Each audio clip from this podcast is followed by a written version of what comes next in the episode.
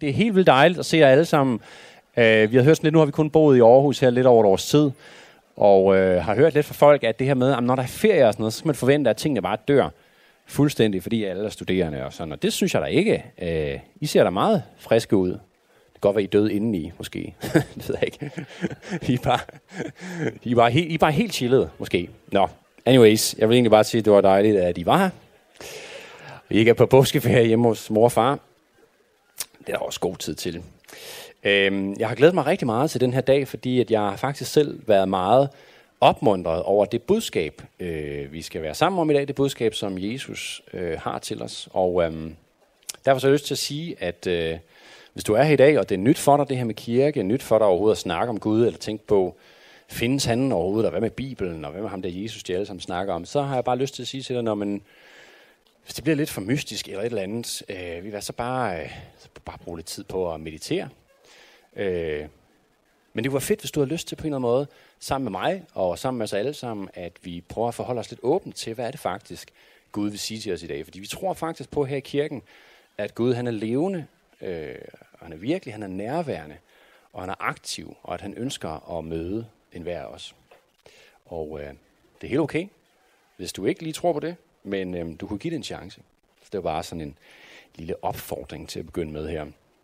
Vi har de sidste øh, 4-5 gange her i kirken kørt et øh, tema, som vi har kaldt for en ny virkelighed, som handler om den virkelighed, som Jesus øh, inviterer os ind i, og som han blev menneske for faktisk at bringe til os med hans liv og hans død, og øh, som han også øh, illustrerede med hans liv, som han også bragte på jorden, mens han var her. Jesus kaldte selv den virkelighed for Guds rige, og grunden til, at vi har brugt så meget tid på at snakke om det, øh, som sagt her næsten siden jul, det er for det første, fordi Jesus brugte rigtig meget tid på at snakke om det, og på at demonstrere det i praksis. Det var faktisk øh, helt sikkert ligesom hans hovedbudskab, hans grundbudskab. Du selv prøve at slutte op i evangelierne, de fire evangelier. Og øh, for det andet, så er det også fordi, at nogle gange, så kan det her med tro blive sådan en meget abstrakt, eller sådan lidt filosofisk ting for os. Det er sådan noget, vi kan godt måske komme til at placere det lidt i sådan en åndelig boks, sådan lidt øh, et eller andet mærkeligt sted, lidt uden så meget relevans til vores liv. Og øh, der er det faktisk, at hvis man læser om, hvad Jesus siger, øh, hvad det faktisk er, han mener i alle de ting, han siger, der kunne det faktisk ikke være mere anderledes. Faktisk så er det sådan, at Jesus igen og igen snakker om sig selv, øh, og han siger, jeg er kommet for, at I skal få liv. Jeg er kommet for, at I skal få liv. Liv i overflod. Og ikke bare noget med liv en gang efter døden, Nej, det er faktisk helt tydeligt, når man læser efter i teksten, at det han snakker om, det er faktisk liv lige her nu. Det er et liv, som er fyldt med fred og, alle, og glæde, alle de gode ting, som Gud har Og derfor så er det på en eller anden måde lidt ærgerligt, når vi sådan kommer til at reducere vores tro til det her sådan lidt meta-agtige, noget der sådan svæver rundt herude et sted, men ikke har så meget relevans for os i vores liv.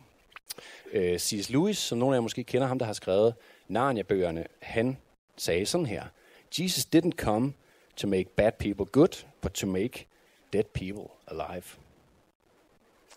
Det synes jeg siger det rigtig godt, og øhm, de andre af de her taler, som vi har holdt om det her tema, de ligger inde på vores hjemmeside, så hvis du har lyst til at lytte mere til det, så kan du finde dem der. Men jeg kunne godt tænke mig på en eller anden måde at begynde med at meditere lidt over det her liv, som Jesus beskriver, at han er kommet for at give os. I ved, et liv fyldt med glæde, fyldt med fred, et liv, hvor vi ikke behøver at bekymre os. Et liv, som ikke skal være fyldt med angst. Og øh, når jeg kigger lidt på mit eget liv, så må jeg indrømme, at tit så er det sådan lidt omvendt. så er det faktisk mere sådan, at mit liv det er ret fyldt med bekymringer, og der er lidt mindre af det der fred og glæde. Og øh, det kan selvfølgelig være, at det kun er mig, der har det sådan. Men øh, det tror jeg faktisk ikke, fordi når man læser avisen, eller man skimmer sin, sit Facebook-feed, øh, snakker med sine venner, hører om, hvad der sker ud i verden, så er det faktisk som om, at det her med angst og bekymringer for fremtiden, det er som om, at det fuldstændig har taget over i vores kultur. Jeg synes faktisk, det er lidt som om, vi er fuldstændig styret af det. Øh, og jeg synes, man for eksempel kan se det, når den ene efter den anden gang, at politikerne kommer med sådan nogle fuldstændig mærkelige lovforslag, hvor man tænker, okay, hvad er det lige præcis, det her lovforslag skal gøre godt, men det er som om, det er bare styret af den her på en eller anden måde irrationelle angst, Øh, og så får man sådan, ah, vi må gøre et eller andet, og så finder de på noget, som er fuldt efter min mening mærkeligt. Og de prøver garanteret deres bedste, vil jeg gerne sige. Så, men det er som om, at der kan være sådan den her ufred i os, øh, eller måske sådan en, man kunne også kalde sådan en febrilskhed. Øh, det er som om, vi sådan på en eller anden måde søger efter noget, vi ved ikke helt, hvad det er. Vi render rundt fra den ene ting til den anden ting, øh, og prøver sådan at finde ud af, okay, hvad er det? Er det det her, der kan give mig noget fred? Er det det her, der kan give mig noget overskud? Er det den her trend? Er det den her kur, der ligesom får mit liv på fode? Og øhm, ja, jeg havde engang øh, et pigeband, har jeg lyst til at fortælle lidt om, og jeg har faktisk taget et billede, for at I skal tro på det. Her kan I se det. Øh, det er mig, der er nummer to fra venstre, hvis I skulle, hvis I skulle være i tvivl. Og øh, det, var ikke, altså det eksisterede ikke så lang tid. Det var ellers faktisk et rigtig, rigtig godt band. Og øh, på et tidspunkt, så har vi fået en masse penge, og så skulle vi på en turné i, øh, rundt i Norden, altså Danmark, Sverige, Norge og Finland. Og så havde vi lejet den her minibus, så hvor vi så kørte fra Danmark op til Nord-Norge, spillede der ned i Oslo og rundt i Sverige og så videre til Finland og så tilbage igen. Det tog cirka to og en halv tu, øh, uge, og det var øh, tror jeg godt, man kan sige, en tur, som føltes lige så lang, som den var. Øh, ikke kun fordi jeg var øh, den eneste handkøn, tror jeg, men det var bare på mange måder en lang tur. Og øhm, det, som jeg bare egentlig ville dele med jer for den tur, det var, at når man skal fra Sverige til Finland, så skal man med sådan en kæmpe stor færge. Det minder en lille smule om den der Oslo-båd, hvis nogen af jer har prøvet den. Den er bare altså meget, meget større. 10, 20 gange sådan en kæmpe stor, sådan en gigantisk båd, øh, og inde i midten, så er der sådan et, et shopping street, som måske er øh, lidt eller den her sal, ligesom, som bare fortsætter fem gange dernede. Eller sådan noget. Så lige pludselig så, øh, mens man går rundt på den der shopping street, så er der, så er der lige pludselig 20 dansere, der kommer ud op over hovedet på en og laver sådan et show. Det gør de så en gang øh, hver halve time cirka. Øhm, og det jeg egentlig ville fortælle fra den båd, det var, at, at der var en stemning på den her båd, som gjorde et meget, meget stærkt indtryk på mig. Og det var den her stemning af øh, hvad skal man kalde den, en slags ekstrem febrilskhed. Jeg kan huske, når man gik øh, på de der gange, og folk sådan kiggede på hinanden, så var det som om, at folk gik og kiggede på en, og sådan søgte efter, øh, kan vide om ham der, har fundet den der helt vilde fest, som alt på den her båd på en eller anden måde lover. I ved, alting var sådan skruet op på sådan et ekstremt niveau. Øh, shopping og reklamer over det hele, og DJ masser af steder, og øh, pool og alt muligt og sådan noget. Ikke? Og jeg tydeligt huske, når man gik op og ned på de der trapper, der var jo sådan noget, jeg ved ikke, 15 etager, så gik man op og ned på trapperne, når man passerede et eller andet menneske, så kiggede de simpelthen på en øh, innate, øh, desperat, som om sådan, åh, oh, jeg ved om ham der har fundet den her helt vilde øh, oplevelse med at være på den her båd. Og det var der jo ikke nogen, der havde. Altså, fordi det var jo ikke, det var bare sådan en båd, ikke? Øh, og så var der, altså, det eneste, der var, det var øh, finner, som kom op og slås, og svenskere, der var fulde, og en minibar med helt sindssyge øh, dyre priser. Ikke? Altså, der var jo ikke nogen fest på den båd der. Men den der stemning, det jeg kan huske, de der blikke fra folk, det brændte sig simpelthen ind i mig. Og nogle gange, så synes jeg, at man godt kan møde den samme stemning i vores kultur. Den her sådan febrilskhed, den her sådan jagt efter et eller andet, efter det næste, som på en eller anden måde skal sådan være løsning, som på en eller anden måde skal få vores liv på fod. Og det er bare som om, den febrilskhed eller den ufred, den står bare i skærende kontrast til alt, hvad Jesus snakker om. Den står i skærende kontrast til den virkelighed, som Jesus vil invitere os ind i.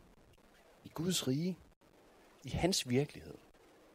Det er nemlig et liv, hvor vi bliver lovet fred, sådan som jeg sagde før. Ikke bare sådan fred en gang imellem øh, en time om lørdagen, når børnene lige sover middagslur eller sådan noget. Men en fred, som overgår al forstand. Det er det, han siger. Et andet sted står i Bibelen, en fred, som gennemtrænger alle omstændigheder. Selv det dybeste travlhed og stress. Og jeg kan godt tænke mig, at vi lige brugt bare lidt minut på at prøve at forestille os, øh, hvordan det ville se ud, hvis der kunne ske noget i dit liv med Gud, som faktisk vil gøre det her. Hvis der kunne ske noget i dit liv med Gud, som vil ændre altså selve din eksistentielle oplevelse. Sådan så du vil have den her fred under selv de mest stressede og pressede situationer. Sådan så du ikke vil være øh, påvirket af den her febrilskhed, det her kaos, som vi nogle gange kan møde i vores kultur, som tvinger os til at rende rundt fra højre til venstre. Men sådan så faktisk, at du vil være bærer af den fred, og du faktisk kunne være med til at bringe den fred til resten af verden. Prøv at forestille dig det. Prøv at forestille dig, lad os bare lige tage, du kan lukke øjnene, hvis du har lyst til det. Øh, forestil dig et liv, hvor du sover rigtig godt om natten uden bekymringer, Uden angst for fremtiden. Du vågner op, og så er du bare totalt udvilet. Du er bare frisk, og du har bare mod på livet. Du er klar til den her dag. Du er klar til at indtage en ny dag. Fyldt med glæde og forventning. Og prøv at forestille dig, at du samtidig er virkelig sådan forbundet med andre mennesker. Du er virkelig til stede, når du møder mennesker, når du har samtaler, når du er sammen med dine børn eller din familie. Og du tænker ikke hele tiden på det næste, der skal ske, eller på den der ting, du ikke lige nåede, det der på arbejde, som du er bagud med, eller på din status på de sociale medier. Jeg synes, det er interessant at forestille sig det. Så kan godt være, at nogle af jer tænker, jamen Simon, det kan jeg godt forestille mig, det der. Det kender jeg godt til, det der, du lige har beskrevet. Øh, det hedder ferie. Og det kan jeg sådan set godt forstå, hvis du tænker. Øh, det var ikke helt det, jeg tænkte på. Det kan også være, nogen af jer tænker, ja, Simon, helt klart, øh, lever du bare videre i din Jesus drøm -agtig. Men hvis du kendte mit liv, hvis du vidste, hvor krævende mine studier er, hvis du kendte mine børn, hvis du prøvede at leve sammen med min kone, eller mand, må jeg hellere sige. Simon, du aner slet ikke, hvordan mit liv ser ud. Og ved hvad, det har du fuldstændig ret i. Jeg aner ikke, hvordan det er at være dig. Men jeg ved, hvad Jesus lover os. Og jeg ved, hvad han længes efter at fylde vores liv med. Og det er ikke mere travlhed. Det er ikke mere stress. Det er ikke byrder. Kom til mig, siger han, og jeg vil give jer hvile. Og inden jeg går videre, så vil jeg gerne lige være den første til at bekende over for jer, at jeg er selv altså, sygt dårlig til det her. Jeg er sygt dårlig til at slappe af. Jeg er sygt dårlig til at hvile. Jeg er sygt dårlig til at, at trække stikket. Jeg tror, jeg har det, man kan kalde for et højt drive. Jeg ved ikke, om det er en decideret sådan diagnose. Men det er som om min hjerne fungerer på den her måde, at den bare sådan kører der ud af. Pretty much hele tiden. Den stopper ikke, vel? Den, den får ligesom bare idéer, den tænker i løsninger, den tænker i, oh, hvordan kan vi lige optimere det der, øh, øh, I ved, sådan noget der, hele tiden. Jeg, jeg, jeg har simpelthen svært ved at få den til at stoppe.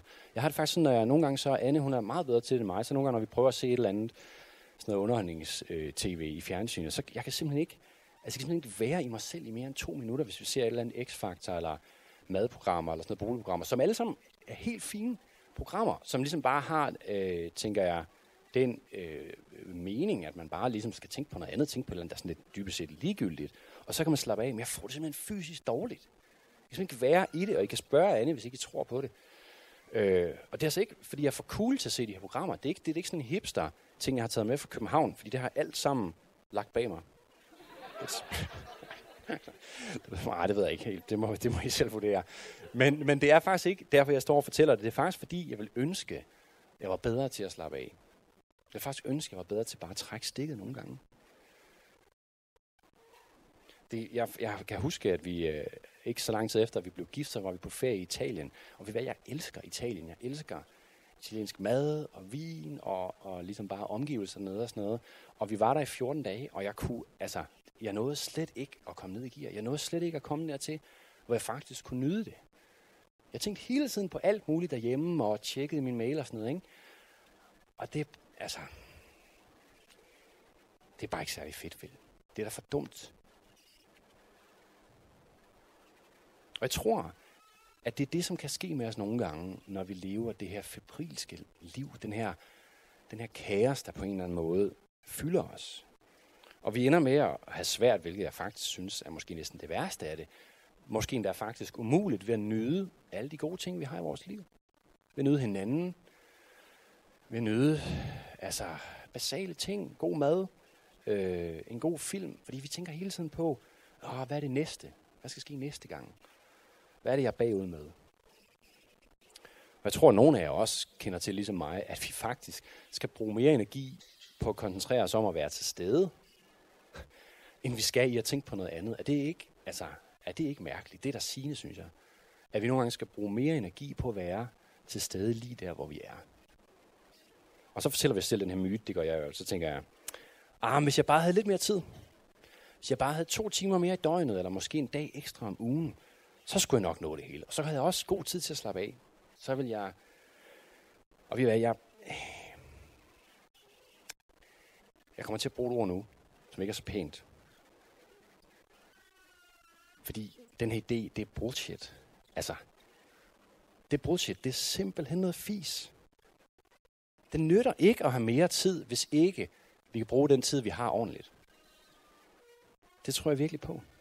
Fordi det handler om vores prioriteringer. Og det er det, som det skal handle om i dag, fordi heldigvis så har Jesus noget meget, meget stærkt at sige til os om det. Han siger nemlig i Matthæus kapitel 6, Søg først Guds rige og hans retfærdighed, så skal alt det andet gives jer i tilgift. Det kan være, at du har hørt den sætning mange gange. Søg først Guds rige og hans retfærdighed, så skal alt det andet gives jer i tilgift. Men ved I hvad? Hvis vi virkelig troede på det her, hvis det virkelig var sandt i vores liv, det her, så ville det være den vildeste game changer. Så ville det ændre alting. Så skal alt det andet gives jer i tilgift. Og vi skal kigge på den her sætning i dag i bidder. Og øh, vi skal kigge på først, hvad er Guds rige? Mener Jesus med det? Hvad er hans retfærdighed? Hvad er alt det andet? Og hvordan søger vi det først? Men øh, kan du ikke bare lige bede hurtigt sammen? Øh, far i himlen, tak fordi du er til stede sammen med os i dag, og øh, tak fordi du ønsker mere end noget andet og opmuntre os. Du ønsker at fylde os med dit liv. Du ønsker ikke at lægge byrder på os. Du ønsker at hjælpe os med vores liv. Sådan så vi kan få lov til at leve det liv, som du faktisk ønsker. Vi skal leve det liv, du faktisk har skabt os til at leve. Så jeg beder om i dag, at det, jeg siger, det må blive til opmuntring og til hjælp for os alle sammen. Og så beder jeg om, at Helligånd, at du må være til stede, og at det må blive til mere end ord. Det her, at det må blive noget, som vi ikke bare hører med vores ører, men det faktisk forplanter sig ud i vores krop, og det bliver til handling, og det bliver til liv. Amen.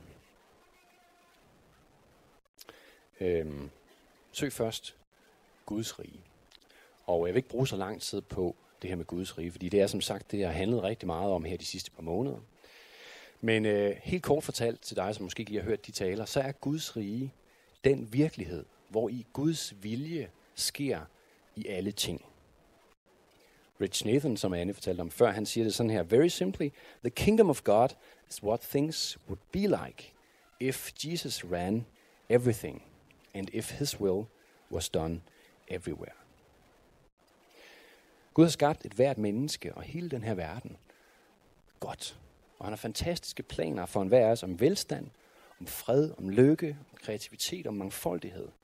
Og hvis Guds vilje skete 100% i den her verden, så vil der ikke være nogen krige, der vil ikke være noget hungersnød, der vil ikke være noget sygdom, der vil ikke være noget had, ikke noget racisme osv.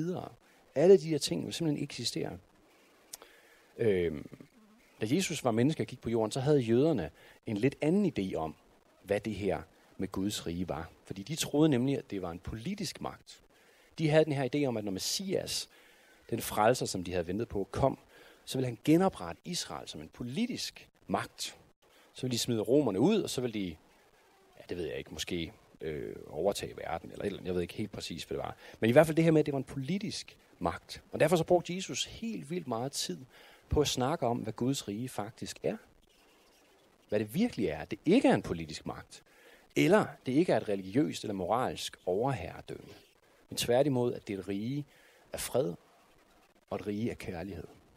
Det er et kongerige med en konge, som hersker i kærlighed over vores hjerter, og ikke med vold og magt. Det er præcis det, vi mindes i dag på Palme Søndag. At himlens og jordens kongesøn red ind i Jerusalem på et æsel. Det er næsten latterligt, ikke?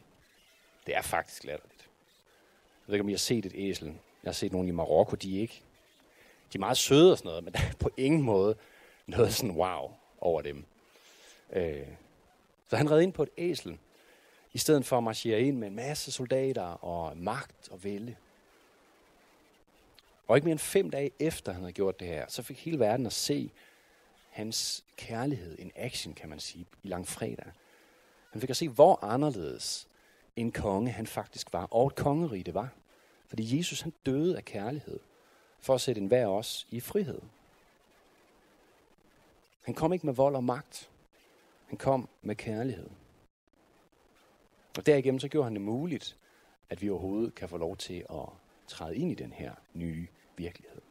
Men det er sådan med et kongerige, det ved jeg ikke, om du har tænkt over, at man kan faktisk kun være et kongerige, hvis man på en eller anden måde underlægger sig den konge, der nogle gange er. Ellers så er man ikke, så kan det godt være, at man, hvis nu det var en geografisk konge, at man var til stede, men man er ikke rigtig med i det kongerige, hvis ikke man siger, okay, du er min konge. Og det er det, som er humlen i det her med Guds rige, det er, at vi må overgive os selv og vores små kongeriger, vores liv, til den retmæssige konge. Til ham, som vandt over døden, og som besejrede ondskaben en gang for alle, nemlig Jesus. Og øh, jeg tænkte over det. Nu øh, har jeg næsten lige fået kørekort øh, her for, jeg siger det hver gang jeg kan, fordi det er så fedt, og øh, synes min kone specielt. Og hvad hedder det? Så er der jo det, når man kører rundt i sin bil der. jeg ved jeg ikke, om I tænker over, men hvis man har en bil, og man kører i sin bil, så er det lidt som om den der bil, det er faktisk dit lille kongerige. Jeg ved ikke, om du har tænkt over, men det kan godt lyde lidt åndssvagt, men det er faktisk rigtigt, fordi så er det jo dig, der kører bilen. Du bestemmer, hvor hurtigt skal den køre, hvor skal den køre hen, hvor meget varme skal der være, skal du have varme øh, bag, øh, og, øh, eller skal, du, skal der være musik på, hvad for noget musik, hvor højt skal det være, hvor meget bas skal der være på, øh, hvem tager du med, hvem tager du ikke med, og sådan noget. Så kører man der, så kører man rundt på, på vejene der, alle sammen ved siden af hinanden i vores små ligesom kongeriger. Øh, og jeg synes, det er meget sjovt. Jeg ved ikke, om I har prøvet det, at man, øh, øh, at, at man sidder i sin bil, så kommer der en over og banker på ruden. Man er lidt sådan, ah, uh, og så ruller man måske ned, og så stikker de måske faktisk hovedet ind, eller ligesom armen ind, eller sådan noget. Og det er lige lidt over kanten, fordi det her, det er jo mit kongerige. Her er det mig, der bestemmer. Du skal ikke på en eller anden måde intrude. Jeg ved godt, det er måske et lidt sjovt billede, men det er faktisk det, det handler om. Sådan er der masser af ting i vores liv, vi har som på en eller anden måde vores kongerige, hvor det er vores vilje, der sker. Jeg blev mindet om, da jeg sad og skrev den her, at sådan har jeg det totalt meget med min computer. Jeg har øvet mig lidt på det de sidste halvår, fordi at Anne hun har sagt det til mig. Og ved I hvad, jeg er simpelthen, den computer, det er selvfølgelig også en Mac. Så, det er computer slags computer, det er selvfølgelig lidt ligesom hævet over. Men, men stadig, det er en Mac, og jeg har simpelthen den her ting med, at jeg, at jeg faktisk, øh, og det er ikke noget, jeg synes er fedt at indrømme, men jeg har faktisk lidt svært ved bare, at Anne skriver på den. Jeg er sådan lidt, ah, har, du, altså, har du lige vasket fingrene, og nu må ikke, ikke lave om på nogle af de der bogmærker og sådan noget. Endelig ikke tjekke noget på Facebook, så kan jeg ikke se, om det Det er faktisk, den Mac, det er faktisk mit kongerige.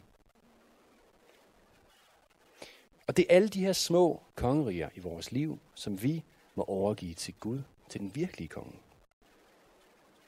Vi må overgive vores kongerige til Gud, sådan så den ikke primært tjener os længere, men sådan så den tjener ham og hans rige.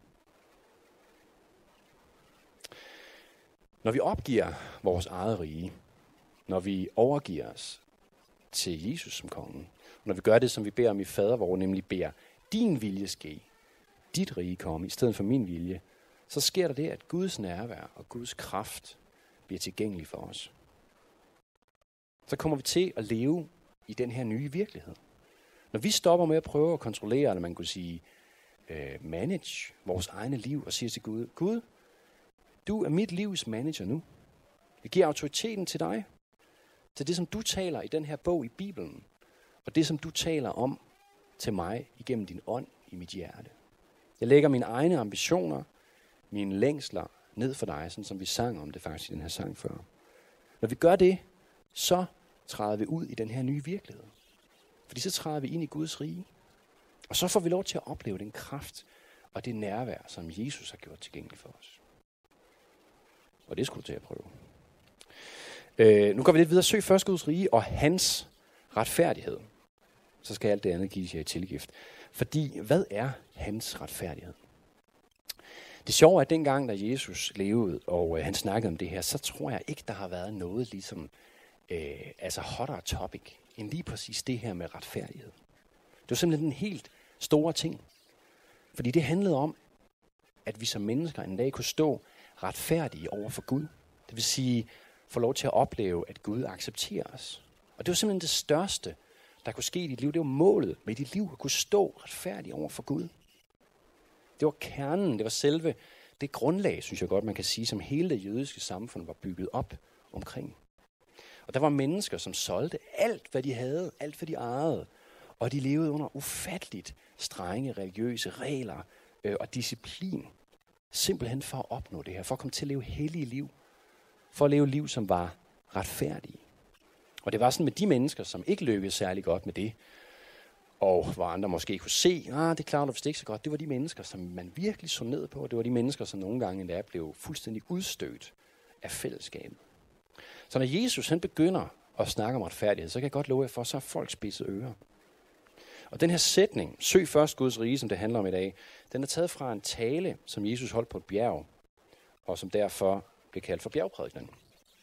Og det er i den tale, jeg tror nogle af jer har hørt noget af den før, hvor Jesus siger nogle kendte ting, som for eksempel, du skal elske dine fjender, I skal ikke bekymre jer, lad være med at dømme andre, og gøre mod andre, som I vil, de skal gøre mod jer. Og jeg kunne godt tænke mig bare lige at bruge 3-5 minutter på lige at dykke lidt ned i den her tale og konteksten for den her sætning, søg først Guds rige. Fordi hele den her tale er fyldt med sådan nogle her ultra radikale bud.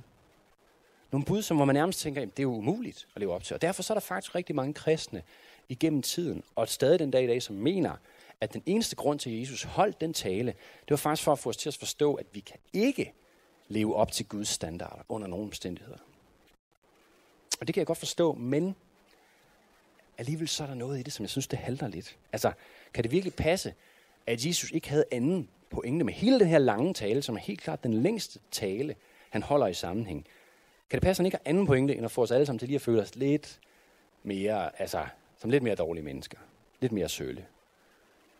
Helt først i den her bjergetale, så kommer han med den her provokation, som jeg tror helt sikkert har fået folk til at vågne op. Prøv at høre, for jeg siger jer, hvis jeres, her er det igen, retfærdighed, ikke langt overgår de skriftkloge og fejsernes, kommer I slet ikke ind i Guds rige.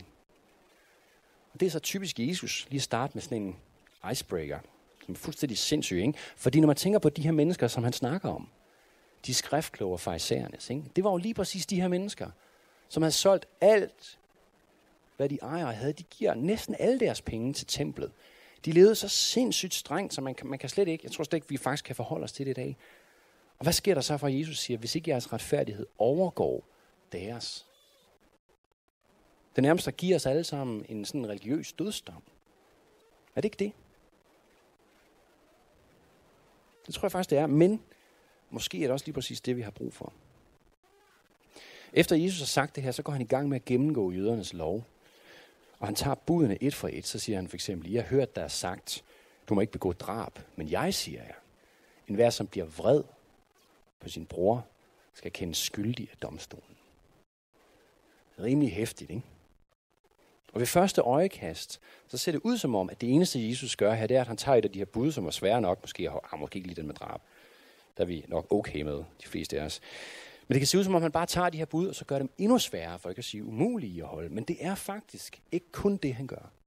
Fordi det, han adresserer her igennem den her tale meget, meget tydeligt, det er faktisk, at der er noget, som betyder mere end din opførsel.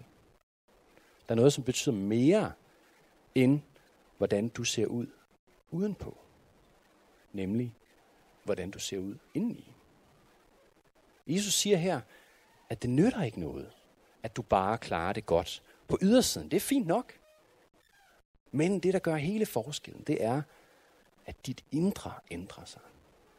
Du ikke bare lærer at kontrollere og styre ligesom din adfærd og dine gerninger, men at dit indre bliver forvandlet. Sådan så du indeni i dit hjerte simpelthen vil noget andet. Altså ønskerne. I kan godt se, det, det han gør med vrede, ikke? fordi grunden til, at man slår nogen ihjel, typisk forestiller jeg mig, er jo, at man bliver vred på dem. Ikke? Så Jesus siger i virkeligheden, jeg ved godt, at I tror, at det hele handler om, hvordan I opfører jer, og hvordan det ser ud udenpå. Men ved I hvad, det er forkert. Det er langt mere vigtigt for mig, hvordan I ser ud indeni.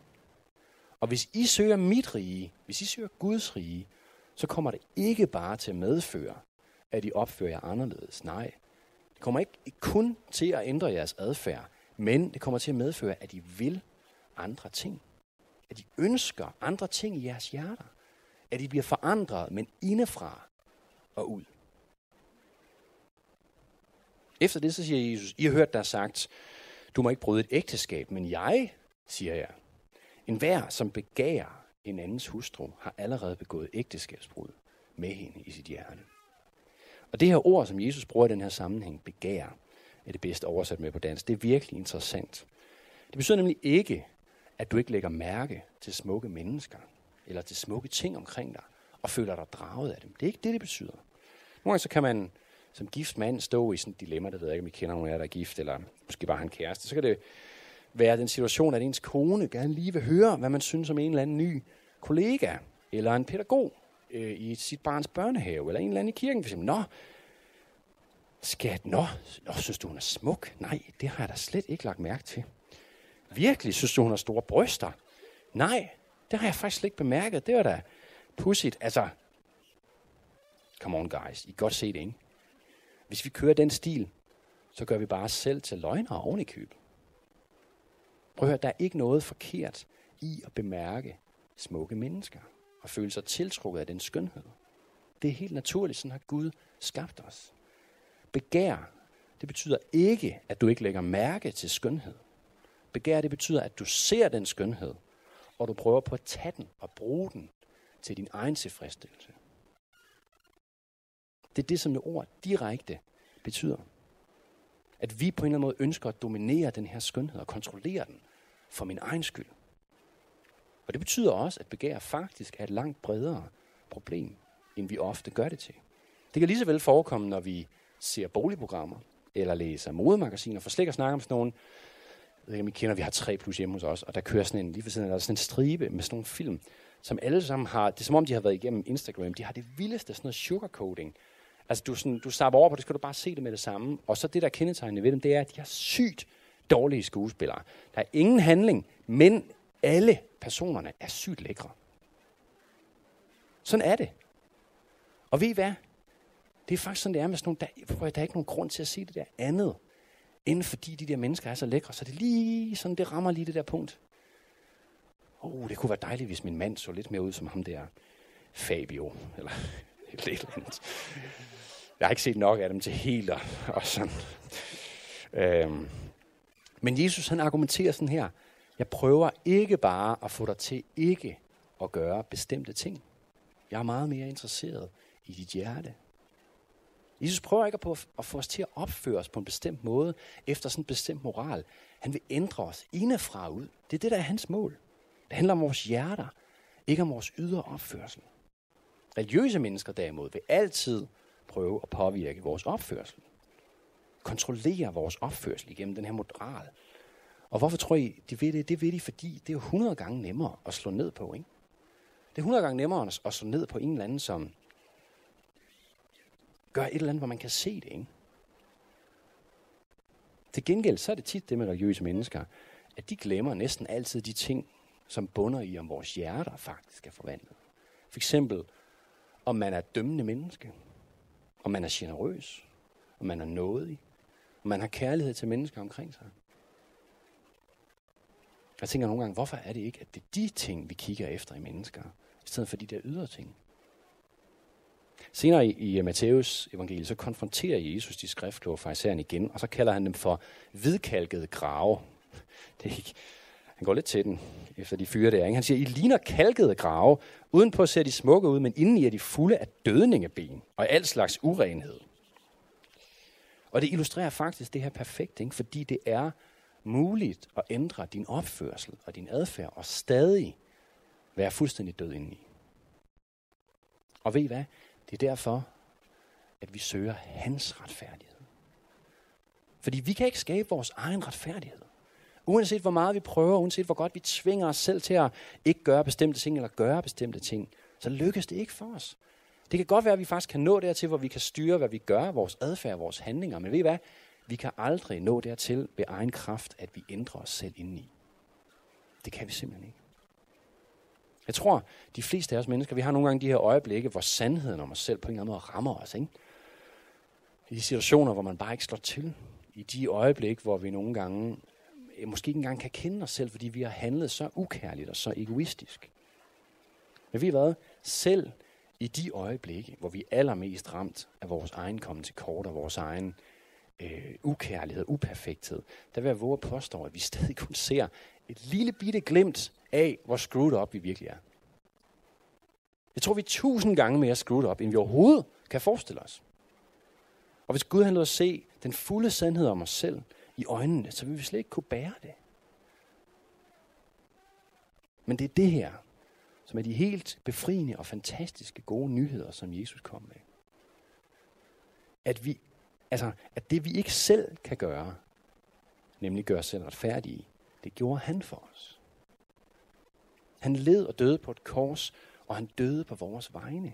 Han opstod igen fra de døde, og igennem det så gav han os det her liv i vores indre, i vores hjerter. Nyt liv.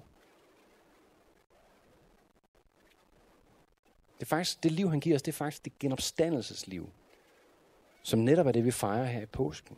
Det er det, han giver os. Jeg tror, mange af jer kender historien om Noah, som er sådan en pussy, eller lidt mærkelig historie, hvor der kommer den her syndflod og dræber alle, ligesom de onde mennesker. Så er det kun Noah og hans familie, der er tilbage. Men den historie, det den faktisk virkelig handler om, og slutningen på den specielt, det handler om, at Gud på en eller anden måde siger, det er ikke muligt at tage vores ondskab og vores egoisme væk på den her måde. Det er ikke muligt at tage det væk igennem vold, igennem ydre fysisk magt. Nej, den virus eller den synd, som har på en eller anden måde inficeret os, kan ikke tages væk udefra og ind. Så Jesus, som er Gud og livet selv, han bliver en af os. Og i hans død, så lader han sig opsluge helt af mørket. Og øh, lige her i morges faktisk, kom jeg til at tænke på øh, The Matrix, som jeg håber, at af jer har set, selvom I selvfølgelig er meget yngre end mig. Hvis ikke du hørte dem, så var det noget, der var meget stort i 90'erne. Og øh, i slutningen af den sidste film i Matrix-trilogien, der er det faktisk fuldstændig det her, der skal Neo, som er den her, som er helten, og som er et meget, meget tydeligt billede på Jesus. Han kæmper den her fysiske kamp imod mørket, imod den her virus, som har inficeret alt og alle. Ikke bare mennesker, men hele skabningen. Og jeg fandt et billede af det. Ja, ja, der kan I se, de slås. Går til den. Og øhm, til sidst, de bliver ved med at slås, og de kommer bare ikke videre. Og til sidst, så er det som om, at det går op for Neo. Okay, det her det er en kamp, som ikke kan vindes. I hvert fald ikke på den her måde. Så Neo han gør det, at han lader sig opsluge af mørket. Han går ind i det med hud og hår. Jeg har også et billede af det. Så kan I se her, så bliver han simpelthen opslugt. Præcis ligesom Jesus lader sig opsluge af mørket, af døden og ondskaben på langfredag. Og lige i det, mørket tror, at det har vundet, så sker der noget mærkeligt. Fordi Jesus og Neo, de bærer på det liv, som ikke kan blive opslugt af mørket. Som intet mørke nogensinde kan få bugt med. Og derfor så imploderer mørket indefra ud. Det bliver simpelthen destrueret, ødelagt, overvundet, en gang for alle. Og det her det er faktisk et billede fra filmen, selvom det ser meget påskagtigt ud. Så Jesus han vandt over mørket indefra og ud, og derfor er det det samme med os. Fordi Jesus vandt vores kamp, kan vi blive fyldt af det samme lys, af det samme liv indeni. Bibelen siger faktisk, den samme ånd, som rejste Jesus fra de døde, nu bor i os. Og retfærdighed, at vi kan komme til at stå retfærdige over for Gud, det kommer af at overgive os til ham. Og søge den nåde og det liv, som kommer fra ham, og som ændrer os indefra og ud. Vi behøver slet ikke at præstere. Vi behøver ikke at lade, som om vi er nogle andre, end vi er. At vi er perfekte, fordi det er der ikke nogen af os, der er. Men det er okay. Fordi vi har fået hans retfærdighed. Og derfor siger Jesus videre i den her bjergtale efter det her, så siger han, når du beder, så lad være med at gøre ligesom de der selvretfærdige mennesker, som står ude, hvor alle kan se dem. Og når du faster, så lad være med at gøre det af religiøse årsager. Du gør det for at være sammen med din far. Det er helt simpelt, fordi du kender hans retfærdighed. Og du ved, det er 100% en gave fra ham, og du kender hans rige og ved, at Guds nærvær og kraft bliver tilgængelig for dig. Og det er derfor, du søger ham. Det er ikke for, at du bliver okay. Det er ikke for, at du bliver hellig. Det er alt sammen Jesus, der gør det. Det handler ikke om, at vi skal prøve hårdere. Søg først Guds rige og hans retfærdighed, og så skal alt det andet gives dig i tilgift. Og det kommer til at køre lidt kort hen over det her med alt det andet. Fordi øhm, efter Jesus har snakket om alt det her med bøn og faste og de andre ting, vi ved igennem, så peger Jesus på de fugle, som jeg forestiller mig har fløjet rundt hen over hovedet på ham, mens han har snakket på bjerget der. Så siger han, se himlens fugle. De sår ikke og høster ikke og samler ikke lade. Og jeres himmelske far giver dem føden. Er I ikke langt mere værd end de? Jeg håber, der ikke er så mange af jer, der er i tvivl om, at de er mere værd end fugle. Har du nogensinde tænkt på, hvor mange fugle du er værd? Et slag, nogen slag, slag til, nej, okay, det er åndssvagt. Øh, men Jesus siger videre, efter han har sagt det til en mennesker, som ikke kender Gud, ja, de bekymrer sig med god grund. Men ikke jer, fordi I ved, at I har en far, som elsker jer og sørger for jer. Og I ved, at I er blevet gjort retfærdige af ham, og ikke af at præstere, ikke af at løbe hurtigere, ikke af at stresse. Så peger han på blomsterne på bjerget. Læg mærke til, hvordan markens, eller på marken, et eller andet sted. Læg mærke til, hvordan markens liljer gror. De arbejder ikke og spinder ikke. Men jeg siger jer, end ikke kong Salomo i al sin pragt var klædt som en af dem. Og ved I hvad? Det her, det er simpelthen et ord, som jeg synes er så direkte til os i vores kultur. Så det, som vi, Jesus i virkeligheden siger her, det er, hvem af jer vil ikke gerne være smuk? Hvem af jer vil ikke gerne være attraktiv? Hvem af jer vil ikke gerne være spændende? Retorisk spørgsmål, fordi det vil vi selvfølgelig alle sammen gerne. Men prøv at høre, det er jo det, som Gud gør. Gud skaber ikke ting, som er ødelagte eller grimme. Det er os, der nogle gange kommer til at gøre det. Slap af og lad det være ham, som former dig, som gør dig smuk, som gør dig attraktiv, fordi du bliver mere og mere som den og som det menneske, han har skabt dig til at være. Du bliver mere og mere unik. Du bliver mere og mere fantastisk. Du bliver mere og mere fredfyldt. Dit liv får mere og mere mening. Vi tror så ofte, det er noget, vi skal klare os selv, ikke? Og derfor så render vi febrilsk rundt, som jeg beskrev efter det, det næste, som lover os guld og grønne skove. Prøv den her hårkur, så vil dit, Guds, øh, dit hår skinne som det pureste guld. Ikke? Køb den her creme, så vil din hud blive så fuldstændig uimodståelig lækker, at jeg ved sådan ikke hvad vel. Hop på den her diæt, så vil du blive så fyldt af energi og overskud. At dit liv det bliver et rene paradis. Ikke? Altså, slap af med alt det fis, siger Jesus. Søg mit rige i stedet for. Mit nærvær og min kraft og min retfærdighed, så du erfarer, at du slet ikke behøver at præstere. Så skal jeg nok sørge for det andet. Så skal jeg nok give dig alt det, du har brug for. Så skal jeg nok forvandle dig, sådan så du bliver smuk og attraktiv. Lad være med at bekymre jer så meget. Søg først Guds rige og hans retfærdighed. Og det her, det er faktisk det allervigtigste i den her tale. Så derfor så tror jeg, vi skal lige gøre noget drastisk, noget vi ikke plejer at gøre. Øh, vi stiller os lige op. Så de gør det, og så vender vi os mod vores sidemand, og så giver vi dem en syngende lussing. Nej, det gør vi ikke. Så, så øh, giver vi dem en high five, og så siger vi, du er for fed. Kan vi gøre det? Yes. Sådan. Og så, må I, så kan I tage plads igen, når I øh, har gjort det. Øhm. Ved I hvad, det her det er meget, meget vigtigt, og det er noget af det, som har talt ekstremt meget til mig selv her den sidste uges tid. Og øhm, jeg tror, det er fordi, den kultur, vi lever i, det ved jeg ikke, om jeg tænker over, men det er sådan en add-on kultur. Det er sådan noget med, at der er altid noget nyt, vi lige kan tilføje til vores liv. Så det bliver lidt lækre. Vi kan altid lige læse lidt mere i den her øh, selvhjælpsbog, eller lige gå lidt mere til yoga, eller hvad det, hvad det nu er. Det er altid mere på en eller anden måde. Ikke? Og samtidig med det, så er vores kultur sådan en quick fix kultur. Det er sådan noget med, ah, hvis du lige prøver det her, så kører det for dig. Ikke? Og vi hvad, derfor så ender vores liv næsten altid med at se sådan her ud. Kan I se den? Det er en bil, som er fuldstændig overlæsset med ting, hvor der bare er kastet ting op på den. Ikke?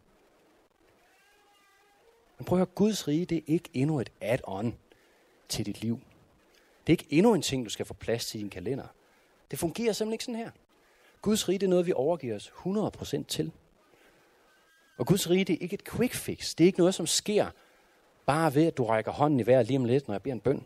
Og så vupti, så kører det for dig. Og det er derfor, Jesus siger, søg først Guds rige. Fordi det handler om vores prioriteringer.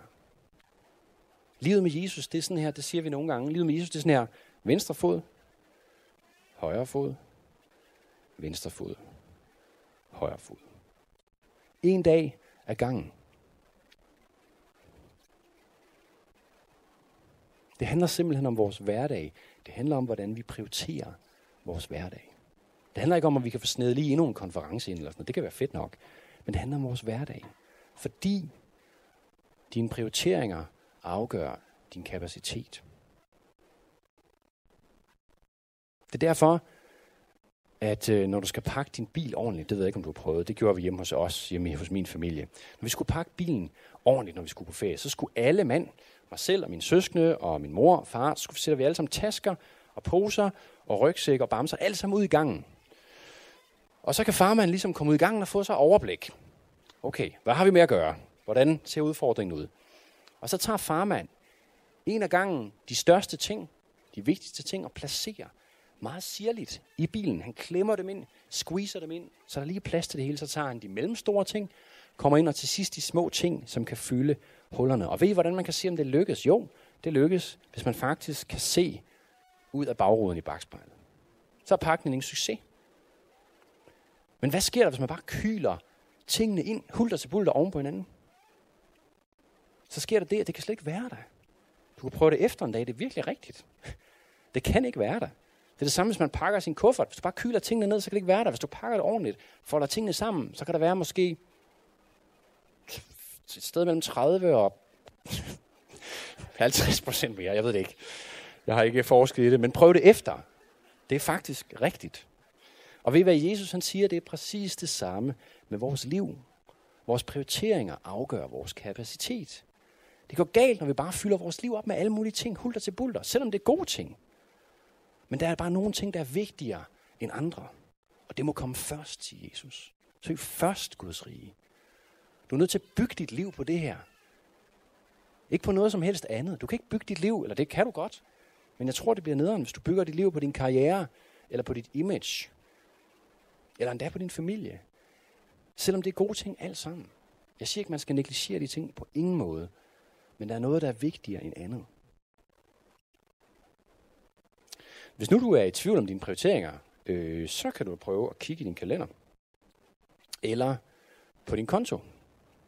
Fordi det er faktisk sådan, at vores kalender og vores konto, det afslører faktisk vores prioriteringer. Og det afslører, hvad vi faktisk sætter vores lid til. Hvad vi har vores håb i. Og det kan være, du siger, jamen jeg har mit håb i Gud. Øh, og så til det vil jeg sige, det lyder da dejligt.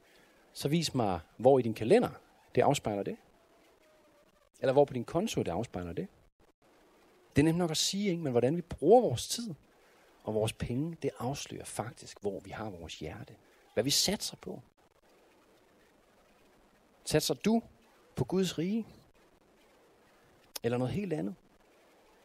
Hvad er det første, du tænker på, når du skal pakke din taske eller din bil?